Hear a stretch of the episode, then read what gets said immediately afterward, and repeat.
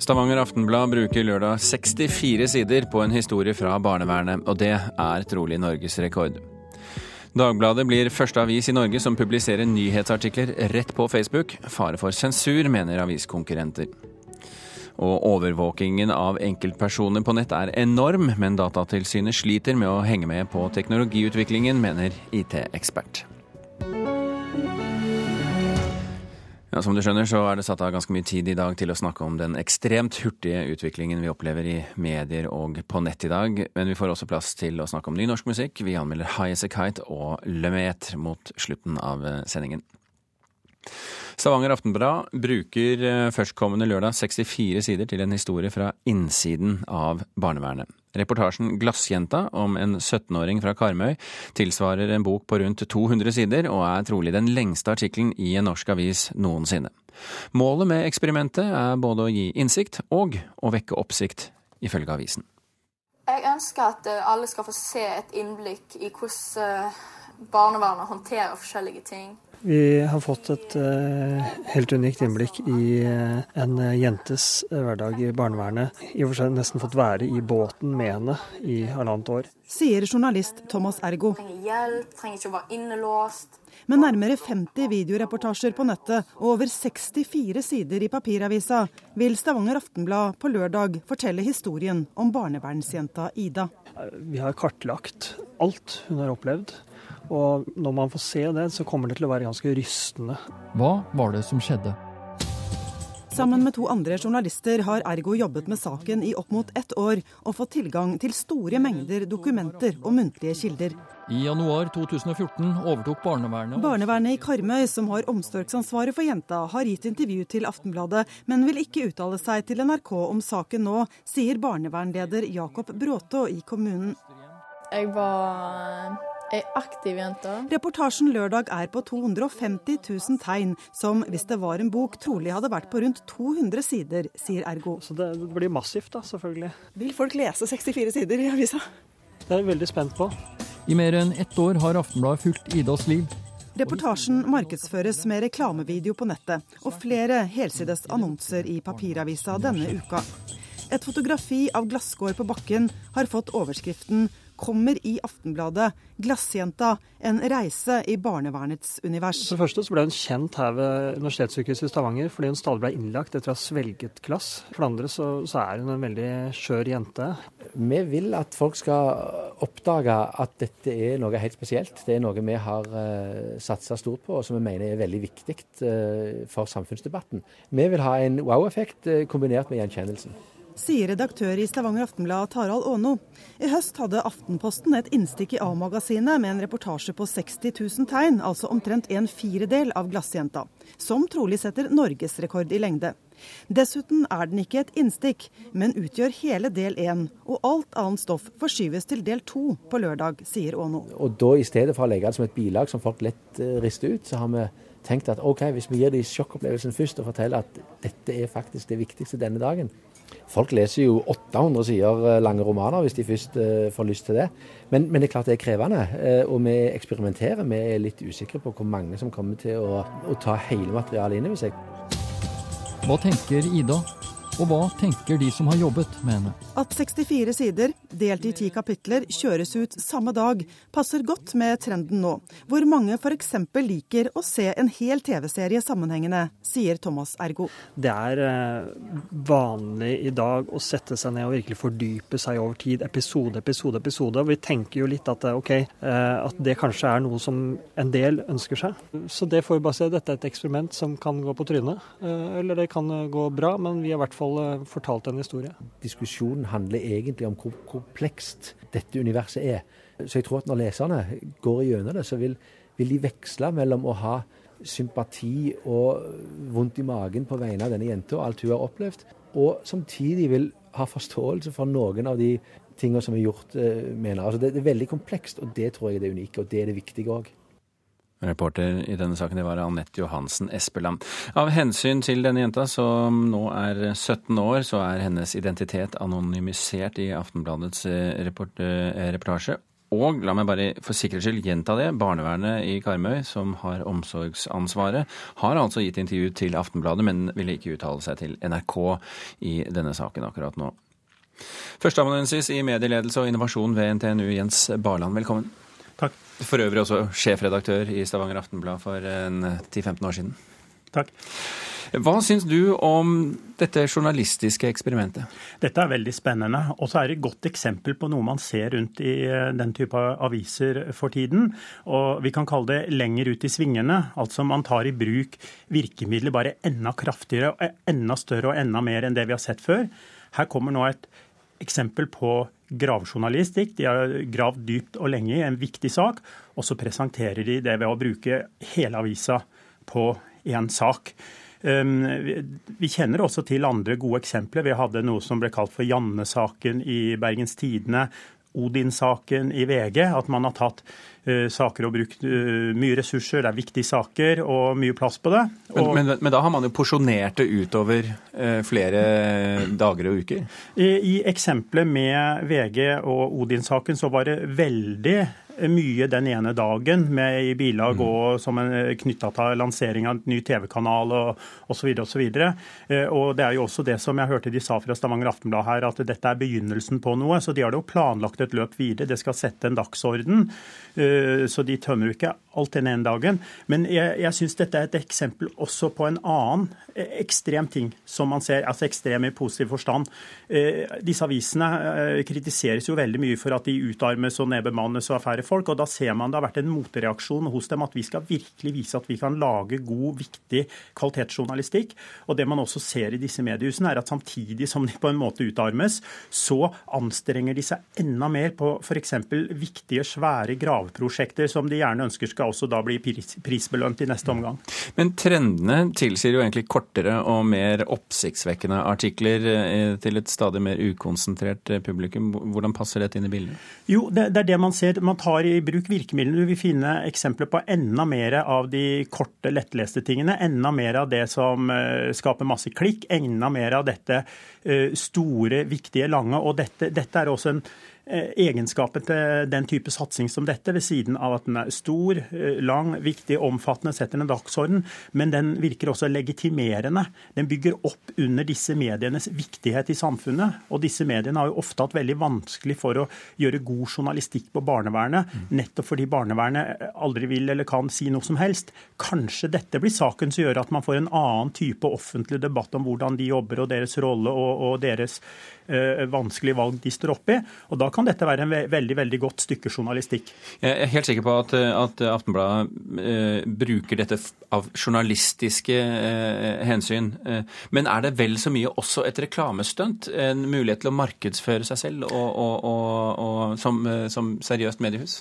Ja, altså, jeg har tenkt ut at Det er på en måte to varsko til redaktøren her. Det ene er jo, som de selv også var litt inne på her, om de bommer for formatet, at det blir så langt at de egentlig ikke leser leseren får lest likevel. Men det andre er jo nettopp det at de får så mye positiv oppmerksomhet om virkemidlene, og så blir disse virkemidlenes gode markedsføringseffekt at de tar oppmerksomhet bort fra det som er selve saken. Men du kan si dette er jo som å servere veldig god mat. Så god mat at du ønsker å ha mer av den. Altså servere så god journalistikk at du vil ha mer av den. Så er det litt vanskelig å skille mellom det som er det journalistiske innholdet og det som er markedsføringseffekten i innholdet. Da. Men den skal passe litt på det òg. Vi får se. Lørdag kommer altså uh, avisen med denne saken eh, i Stavanger Aftenblad. Eh, Jens Barland, takk for at du kom til oss. Takk.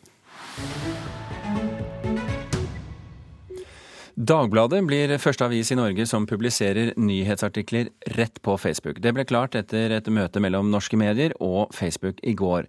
Allerede denne uken kan Dagbladet publisere de første artiklene i det nye Instant Articles-formatet, som det heter, på mobil. Sjefredaktør Jon Arne Markussen er glad for den nye avtalen.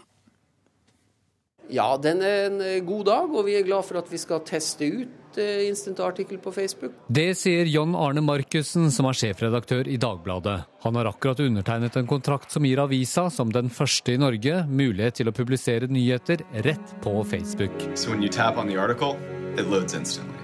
Funksjonen heter Instant Articles og er på overflaten bare en raskere og penere måte å laste inn nyhetsartikler på når du bruker Facebook på mobil. Men under panseret er det en vesensforskjell. Artiklene skal ikke befinne seg på Dagbladets servere, men utelukkende på Facebook sine. Og når vi vet at Facebook har tradisjon for å sensurere innhold man finner støtende, er det mange som er redde for at norske redaktører skal bli overkjørt av Facebook i viktige journalistiske spørsmål. Journalistikken er ikke alltid trygg og komfortabel. Den, den, den må også være litt plagsom. Men det er nok ikke, ikke den rollen Facebook ser seg selv inn i. Sa redaktør Einar Haalien i Skipsted Norge på vei ut av Facebooks lokaler i London i går. Han mener det er god grunn til å tenke seg om to ganger før man inngår et nyhetssamarbeid med den amerikanske mediegiganten. Det er det riktige for oss. og å bygge en, en, en, forretningsmodell som er så avhengig av, av, en aktør som Facebook, det kan være argumenter mot. We've spent a lot of time making sure that the business model is solid, making sure that their brand is represented in the way that they want. Men det er også mange fordeler med Facebooks Instant Articles. Målinger har vist at sakene i det nye formatet blir lest, delt og kommentert mange ganger så ofte som vanlige saker. Og når Facebook lar mediehusene beholde 70% av reklamekronene artiklene genererer, er det simpelthen vanskelig å si nei for en kriserammet mediebransje.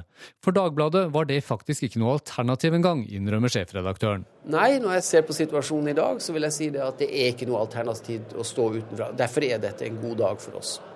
Digitalredaktør i VG Ola Stenberg sier til NRK at eh, Facebook ikke svarer godt nok på hva de vil gjøre med sensur. Men du føler deg trygg på dette, at Dagbladet ikke vil bli sensurert? Jeg vil ikke si at jeg føler meg helt trygg, så jeg tror Stenberg eh, har sine ord i behold. Eh, det er klart Hvis det viser seg at det er ting vi vil publisere i Dagbladet, som vi også vil ha inn i nyhetstjenesten på Facebook, som ikke passer Facebook, ja vel, da har vi et problem. Ja, Det sa redaktør i Dagbladet, Jon Arne Markussen. Reporter her, det var Petter Sommer. Og siden vi nå allerede snakker om Dagbladet, avisen kunngjør i dag at de legger ned kommentarfeltene i nettutgaven sin. I 20 år har du og jeg kunnet kommentere artiklene på dagbladet.no, men nå vil kommentarfeltene bli fjernet for godt om noen måneder. Politisk redaktør Geir Ramnefjell sier dette imidlertid ikke har direkte sammenheng med satsingen på Instant Articles å gjøre. Vi har sett at um aktiviteten i sosiale medier, og på våre kontoer i sosiale medier, har økt eh, veldig mye i løpet av det siste året. og eh, Det er forholdsmessig veldig få som er aktive i kommentarfeltet våre i forhold, og derfor mener vi det er riktig å flytte ressursene våre over til sosiale medier. Klokken har passert kvart over åtte. Du hører på Kulturnytt, og dette er toppsakene i Nyhetsmorgen nå. Arbeidsgiverne i norsk industri mener lønnsoppgjør må bli magert for å redde arbeidsplasser. Storbritannia gir en hjelpepakke på drøyt 3 milliarder kroner til britisk oljenæring. Og Norge har ikke tester for Zika-viruset som herjer i Sør-Amerika. Folkehelseinstituttet jobber med å utvikle tester, og håper å kunne tilby dem om ikke så lenge. Hver dag fanger norske og internasjonale selskap opp hundrevis av opplysninger om hvem vi er og hva vi foretar oss på nett. Dette skjer helt uten at vi merker det, og blir bl.a. brukt for å kunne målrette annonser på nettavisene mot akkurat deg og meg. Overvåkingsøkonomi kaller ekspertene dette her. Hvor bekymret skal vi være for eh, alt vi ikke vet om at noen vet om oss? Ja, det er tema når personverndagen markeres i dag. Magnus Brøyn, teknologiekspert i kommunikasjonsbyrået Coxit. Eh, velkommen til eh, oss. God morgen. Er utstrakt overvåking av det vi gjør på nettet, noe vi bare må akseptere? Ja, altså Vi er jo kommet dit at uh, alt som kan digitaliseres, vil digitaliseres. Og de siste fem årene særlig så har vi uh, blitt vant til å løpe rundt med mobiltelefoner som er veldig personlige, og hvor det er mulig å fange mye data om deg og meg, uh, og utnytte det på ulike måter. Men samtidig så har vi jo stått oppe i denne teknologirevolusjonen og sett veldig mange av fordelene som teknologien fører med seg, og som har bidratt til å i hvert fall tror jeg mange eh, opplever, berike eh, livet og hverdagen. Og Derfor så er dette med personvern i dag, i 2016, et mye større dilemma enn det det var for bare få år siden. Og Jeg er opptatt av at både debatten må henge med, og at eh, vi må sette inn de riktige virkemidlene hvis vi virkelig skal verne om personvernet i en moderne tid. Bjørn Erik Thon, direktør i Datatilsynet, velkommen til oss. Takk. Må vi leve med all denne informasjonsinnhentingen, eller må den bekjempes? Eh, vi må både leve med den, og den må bekjempes. Eh, vi eh, har hatt veldig mange fordeler av den teknologiske utviklingen som har vært. Det er mye lettere å finne informasjon nå enn tidligere. Det er utviklet mange gode tjenester som gjør livet lettere.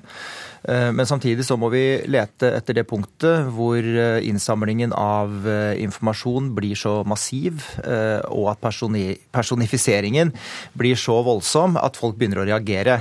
Vet du hvor det punktet er? Eh, det er det vi hele tiden forsøker å rette etter. Eh, jeg tror ingen kan si akkurat når vi når det punktet. For det er ikke sånn at vi plutselig våkner en dag og sier oi, nå er vi der. Dette er noe som kommer gliende inn. Eh, det vi har gjort nå, er at vi har undersøkt hvordan folk ser på det med personrettet reklame. Som du sa i innledningen, det pågår en veldig innsamling av alt vi gjør på nettet. Ved hjelp av IP-adresser, ved hjelp av cookies, ved hjelp av lokalisering. Og alt dette blir brukt for å rette reklamer som gjør at vi tre som sitter i dette studio, får ulike reklamer presentert, om vi går inn på VG eller Dagbladet eller Aftenposten eller hvem det måtte være. Mm. Og det er en utvikling som bare kommer til å fortsette. Uh, og det vi har gjort nå, er å undersøke hvordan folk ser på dette. Og, det er jo det du egentlig spør om. Uh, når kommer vi til tippepunktet hvor folk begynner å si at dette vil vi faktisk ikke ha noe med å gjøre, og våre indikasjoner, uh, undersøkelser, viser at nå begynner vi å nærme oss det punktet. Brøyn, når vi når det tippepunktet, er, er, det, er vi da for seint ute og har i så fall Eh, Datatilsynet gjort jobben sin? Ja, altså Det er jo et relevant spørsmål å stille. og Vi har i Coxit gjennomført undersøkelser i tilknytning til de siste års personverndager eh, rettet mot unge nordmenn, altså studenter, eh, hvor nettopp spørsmål rundt personvern har vært i sentrum. og De unge har avslørt i flere år at de er bekymret for personvernet sitt. Så dette er ikke noe nytt. Dette er noe vi har levd med, men hvor også de samme unge sjelene gir uttrykk for at den teknologien som eh, de får tilgang til, eh, er av så stor verdi at dette er et veldig ambivalent spørsmål. Men er Datatilsynet på merket, syns du? Om Datatilsynet er Om de er på ballen? Har de skjønt alvoret ja. og gjør det de skal? Ja, De er på merket når det gjelder mandatet sitt. De har et viktig samfunnsoppdrag. Eh, men jeg vil jo si at strategien de følger eh, må kanskje oppdateres eh, når det gjelder Du og jeg klarer ikke Altså det som skjer nå, det er to ting. Det er at teknologien har utviklet seg rasende fart de siste fem-seks årene. Strategien som Datatilsynet jobber etter, ble utformet i 2011 og løper fram til 2016. Altså, eh, en, femårs, en, femårsplan uh, i denne sammenheng er veldig, veldig lang tid, selv om vi jo mm. kjenner de fra den gamle Sovjet. Kom igjen, Ton. Jeg, jeg, skjønner, jeg, skjønner, at du har vært inne og lest på nettsiden vår og har funnet en strategi som er Datatilsynets overordnede strategi. Uh, men hvis du skal diskutere Datatilsynets strategi, så må du lese nye dokumenter. Uh, da må du bl.a. lese den rapporten som vi la fram i høst, som heter Det store datakappløpet, og som handler om nettopp det vi har gjort nå. Men det er en rapport, ikke en strategi. Der, der, der ser du hvordan vi strategisk har tenkt å jobbe på dette markedet fremover. Eh, og jeg er helt åpen på en diskusjon om Datatilsynet jobber eh, på en riktig måte. Eh, vi lever i en verden som endrer seg veldig raskt, med betydelige nei, med teknologiske utfordringer. Men samtidig så mener jeg bestemt at vi absolutt er på merket, for å bruke uttrykket når det gjelder dette, ved å klare å ta tak i de riktige problemstillingene. Det ser vi et eksempel på i dag, hvor vi legger fram en rapport som vi nok er det første datatilsynet i Europa som gjør, og vi legger fram tall som jeg gleder meg også til å reise til Brussel og legge fram i morgen. Jeg tror det blir stor interesse rundt det. Eh, og min meddebattant bør nok lese de oppdaterte dokumentene. Ja, det kan eh, hende at han har gjort det. Dokumentene. Ja, men da burde han ha trukket fram de, for da hadde han ikke sagt det han hadde gjort. Men, men eh, er, du, er, du, er, du, trygg på at Datatilsynet er klar for å gjøre denne jobben videre, når du hører det han sier her? Ja, altså jeg føler at det er uh, uh, too little too late i denne sammenheng. Altså, her har det skjedd en rivende utvikling. Datatilsynet er nødt til å være med med. Og eh, vi opplever at eh, Datatilsynet har et kjempeviktig samfunnsoppdrag. La oss eh, bidra til at de lykkes med det. Å ta disse debattene er veldig, veldig viktig. Og så håper jeg at det blir mer enn bare rapporter og personverndager fra Datatilsynet, fordi det er 364 dager i året men hvor vi må vi har, fokusere på dette også. Men vi har nå en gang personverndagen i dag, og det skal diskuteres opp og ned i mente i hele dag. Så, så denne dagen er i hvert fall dekka inn. Tusen hjertelig takk, Magnus Brøyn og Bjørn Bjørn Erik Thon fra Datatilsynet for at dere kom i Kulturnytt.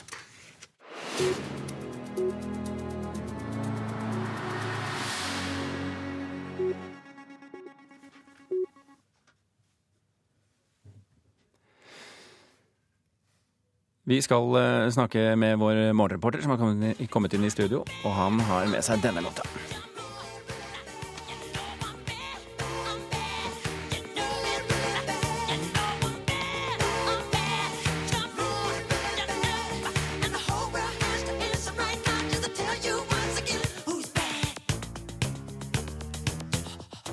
Blir eh, helt galt når en hvit skuespiller skal spille Michael Jackson. Det har kommet mange reaksjoner på det det siste døgnet. Thomas Alvarstein Ove. Ja, for eh, briten Joseph Fiends har fått rollen som kongen av pop i en TV-film for kanalen Sky Arts. Men eh, på Twitter så har reaksjonene selvfølgelig rent inn. Skribent for The Daily Beast, Stereo Williams, eh, sier dette bare er et symptom på Hollywood, Hollywoods eh, dyptgripende raseproblem. Aktivisten D-Ray McKesson, som kjemper for svartes rettigheter, spør eh, retorisk om det virkelig var umulig å finne en svart skuespiller. Andre igjen foreslår som motsvar at eh, skuespilleren, den svarte skuespilleren Denzil Washington bør få spille Elvis. Hadde kanskje vært en eh, god idé. Men spørsmålet er når i karrieren er det denne skuespilleren skal portrettere eh, Michael Jackson. Men det vet vi vel kanskje Ja, 2001 var det vel? Vi vet litt om det. For, ja. for dette er snakk om en kortfilm på bare en halvtime. En komedie som skal eh, basere seg på en, en biltur Michael Jackson eh, visstnok skal ha hatt i 2001. Sammen med Elizabeth Taylor og Marlon Brando på tvers av USA.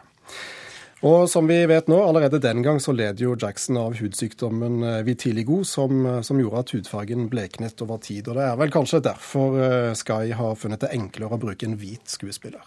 Og kontroversene rundt eh, Hollywood og svarte skuespillere, den, eh, den pågår for fullt i Oscar-spørsmålet? Absolutt. Oscar-nominasjoner har allerede fått massiv kritikk for å være blenda-hvit eh, i år igjen. Og mens skuespillere som Will Smith boikotter, så har mange ventet på hva president Barack Obama mener om saken. Nå sier han til TV-kanalen ABC7 at det blir bedre kunst av at Hollywood gjenspeiler hele samfunnet. as a whole, the industry should uh, do what every other industry should do, which is to look for talent and provide opportunity uh, to everybody. And I think the Oscar debate is really just an expression of this broader issue of are we making sure that everybody is getting a fair shot? Filmindustrien bør gjøre som alle andre bransjer, gi muligheter til alle, sier altså president Barack Obama. Vi har eh, kommet oss ut av mediebransjen i denne omgang, og vi skal anmelde ikke bare én, men to utgivelser fra norske artister her i Kulturnytt. Først ut High As A Kite.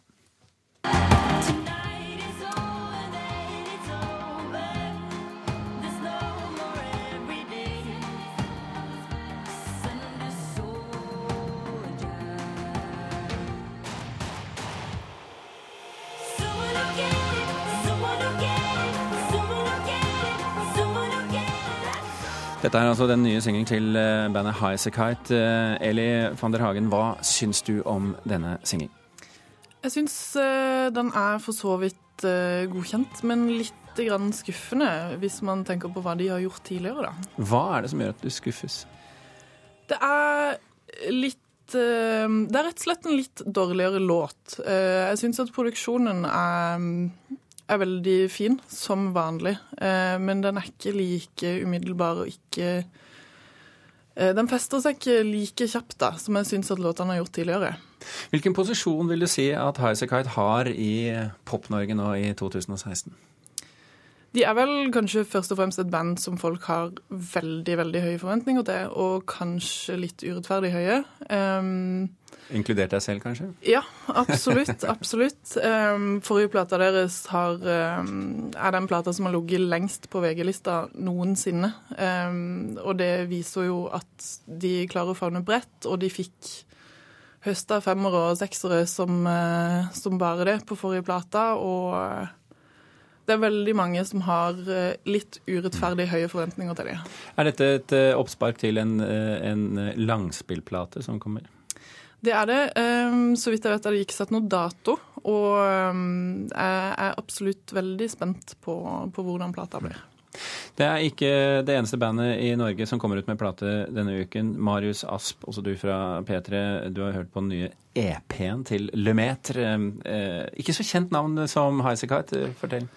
Nei, de er, altså, de er vel faktisk eh, enda litt større enn High As A Kite når det gjelder streaming og sånne ting. Men, Men, eh, men de er samtidig mer ukjente på den måten at det er ikke så mange som vet hvem de er. Det er ganske typisk for sjangeren. Vi har en, et klipp her, en låt av 'Stepping Stone'. Vi kan høre på den for å gi folk et inntrykk.